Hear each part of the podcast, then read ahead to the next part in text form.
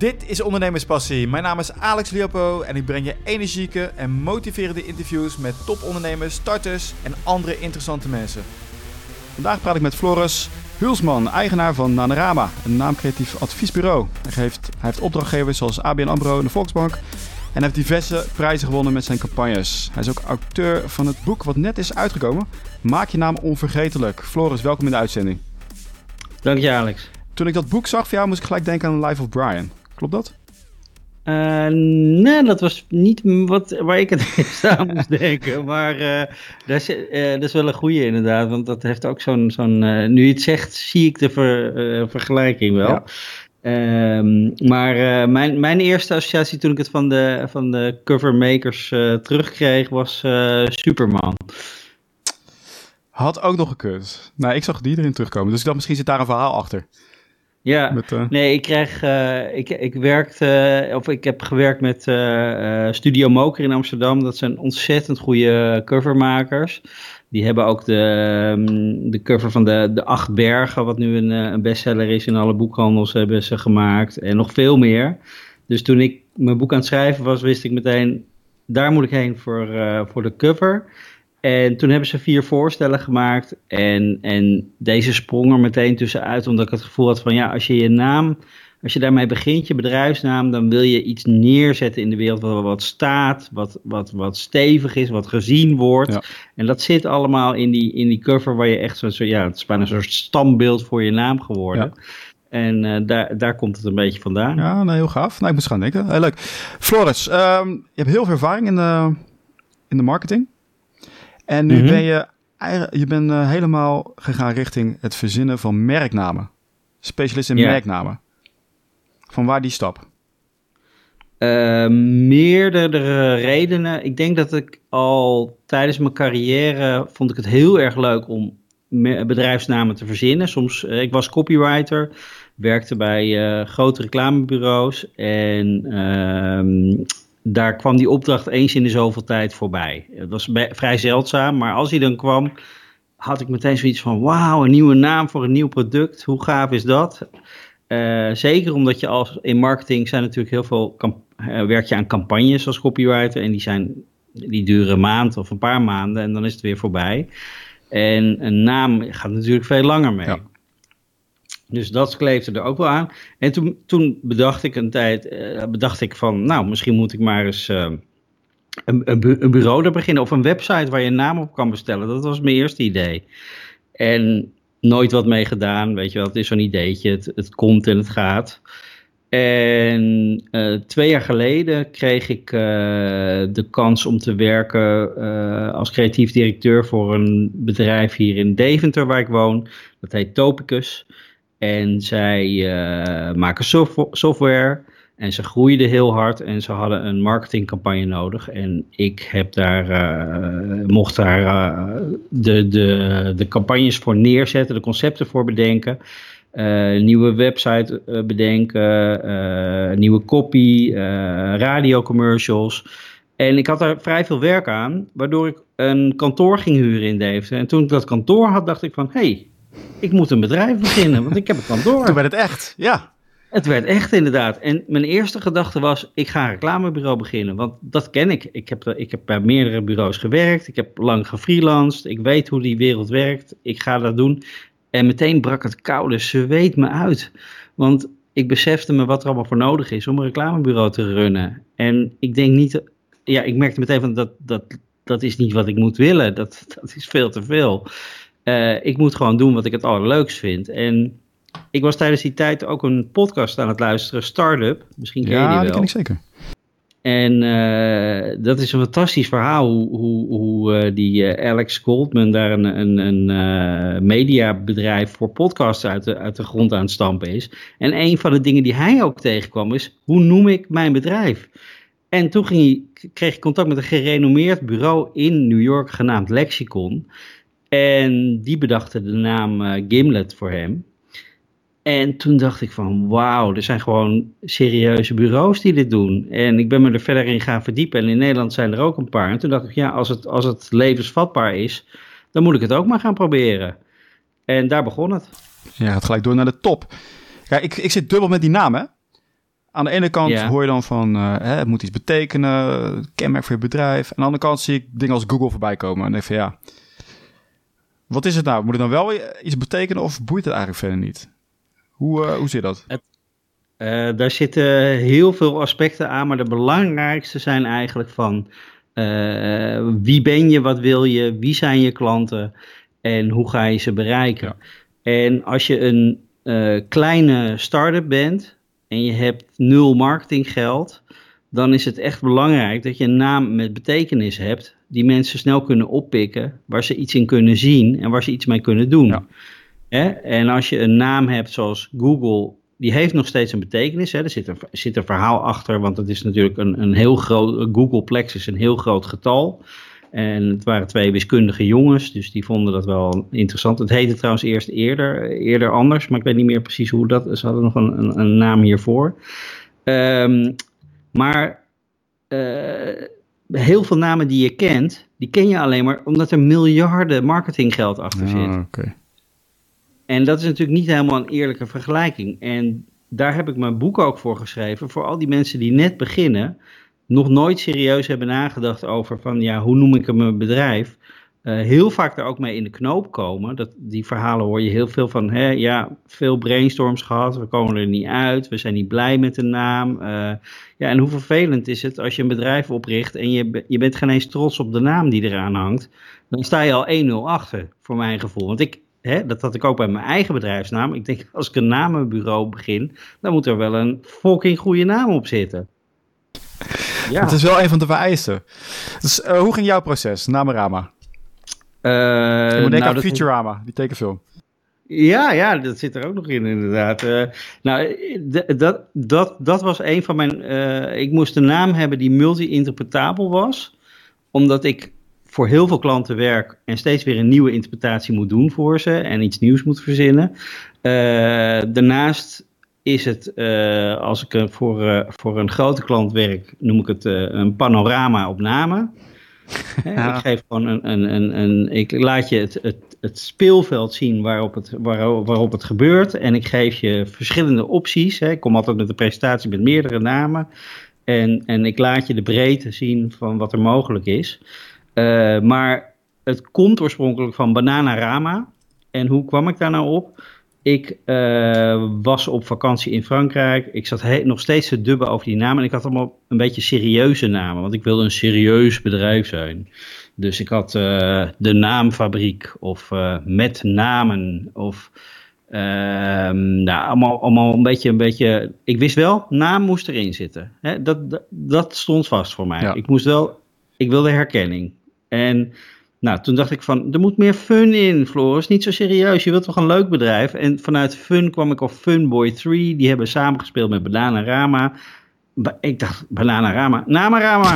en, en toen had ik het. En ja, het, het, eh, en, en ik, nog steeds zien mensen er dingen in die ik nog niet had gezien. Zoals eh, raamopnamen of namenraden. Of, eh, nou ja, allemaal, al- ik hoor steeds weer nieuwe Futurama moet je aan denken, wat ik ook een hele leuke serie vind. Eh, eh, de god Rama schijnt er ook nog in te zitten. En dat is een hele goede Indiaanse god, dus dat is ook weer bonuspunten. Ja, allemaal dingen kwamen samen in die naam. Plus, een van mijn, van mijn stokpaardjes is, als je een naam hebt waar alliteratie of rijm in zit, dan is die beter te onthouden. Ja. Je kent natuurlijk TomTom en Tempo Team, eh, Coca-Cola, die heeft zowel rijm aan het begin als aan het eind. Dat zijn prachtige namen en ik denk echt dat dat meespeelt in, in, je, in hoe mensen je kunnen onthouden. Ja, zeker weten. Dus eh, je hebt gelijk de naam der namen inderdaad met Namarama. Dus multi, eh, hè, meerdere betekenissen zitten erin. Ja, Dus ik denk zo, wauw, als ik hier in de buurt kan komen, denken de mensen, dan ben ik al blij. ik ben al blij als het... Ja, precies. En, Ja. en er zullen ook mensen zijn, en, en dat is dus ook belangrijk voor je eigen bedrijfsnaam, die het gewoon helemaal shit vinden. Die zeggen van nou, ik vind het helemaal niks en het, en het is mij te frivol of eh, ik snap het niet. En eh, zoals met alle producten en diensten, je, je hebt bepaalde klanten die je wil aantrekken. Ja. En eh, als ik alleen maar hele grote banken had willen aantrekken, had ik misschien een, een hele andere naam genomen. Dus je, je doelgroep die je voor ogen hebt, speelt ook echt heel erg mee in wat voor naam je kiest. Ja, dus jij gaat ook mee, hè, je wil fun hebben, je wil plezier hebben, niet zo zwaar, niet zo zakelijk. Ja. Dus dan zet je dat op deze manier neer. Ja, dat, dan trek je ook andere, inderdaad andere publiek aan. Merk je dat ook of zeg je in de praktijk valt het wel mee? Komen ook de grote bedrijven ook naar mij toe? Ja, ik ben gisteren nog bij een hele grote bank geweest. Dus ik denk dat dat... Uh, dat bedoel ik. Dat dat alle kanten... Kijk, ik wat ik het mooiste vind aan wat ik gedaan had... en dat had ik, had ik serieus niet verwacht... was dat je zo, zo niche specialiseren... dat dat zoveel uh, ja, werkplezier en klanten en uh, ondernemerschap oplevert. De, weet je, ik had het wel een paar keer gehoord natuurlijk. Ik heb ook, ik heb ook podcasts geluisterd en, en, en zakelijke boeken gelezen. Maar, maar dit was toch wel. Uh, ik had het niet, niet verwacht dat het zo'n vlucht zou nemen, laat ik het zo zeggen. Wat is jouw niche geweest? Ja, mijn, mijn niche is namen dat, zeg maar, dat is voor mij echt, weet je, ik was altijd copywriter die, die alles kon. Ik kon een tv-commercial maken, een radio, een uh, digitale campagne, een social media campagne. Daar draaide ik mijn hand niet voor om. Een nieuwe website, whatever. Maar dit is gewoon zo'n klein stukje. Uh, ja, dat, dat, toen ik eraan begon, dacht ik van ja, het zou leuk zijn als het een paar keer gebeurt. Maar dat, ik, dat het meteen een bedrijf werd, had ik had op dat moment niet verwacht. Ja, zo'n uh, boek is uitgekomen. Je hebt meerdere boeken geschreven? Nee, dit is mijn eerste boek. ik heb wel een, meegewerkt aan, aan andere boeken, zeg maar een, een, een jaarboek met reclameprijzen erin. meerdere jaarboeken trouwens, maar dat, dat is meer ja, concept en vormgevingsideeën en niet zozeer tekst. Oké, ik zag uh, Nienke van der Lek uh, samenwerking mee, titelchecker. Ja, dat is mijn vrouw. Kijk, dat wist ik, dat wist ik dus niet.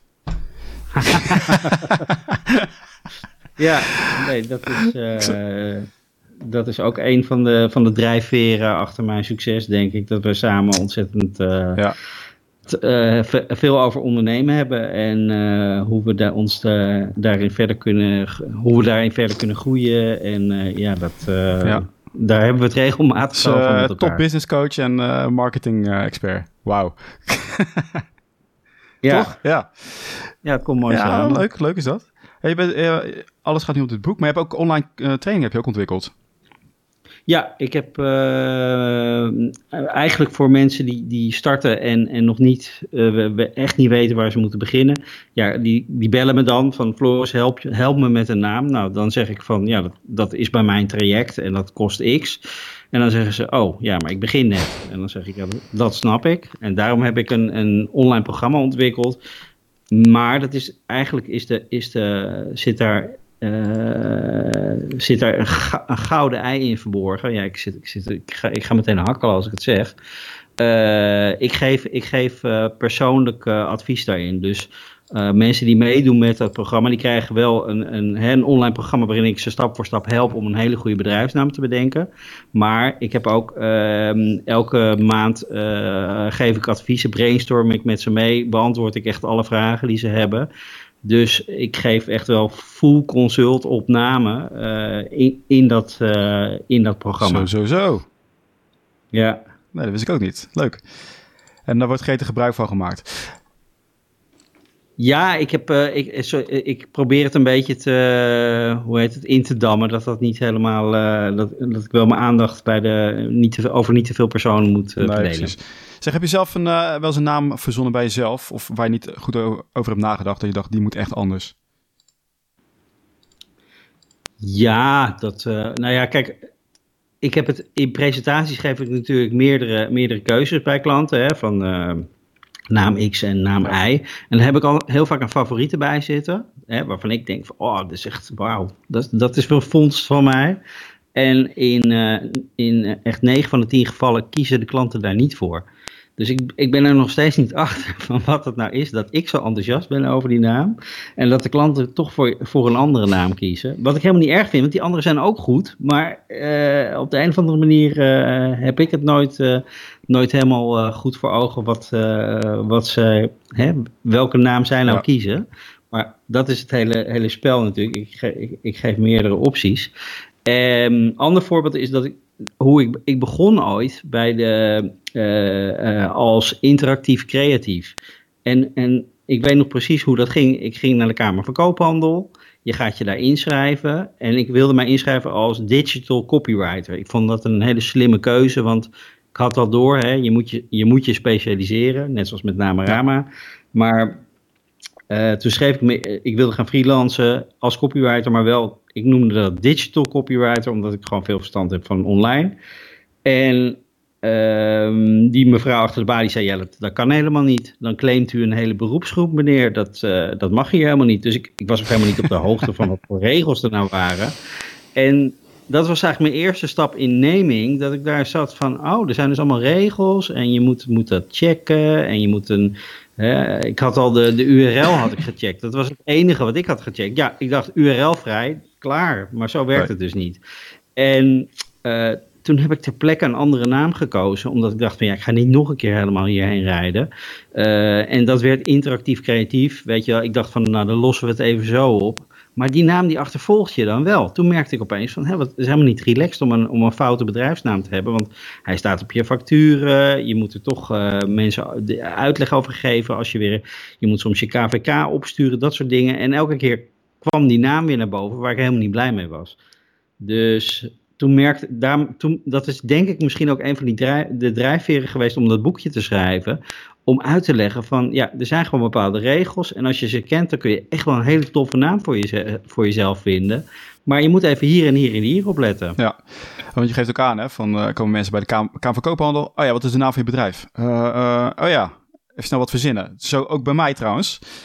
Ik oh, ja? had destijds 2011 of 12, ik kwam met Alex Lee Consultancy.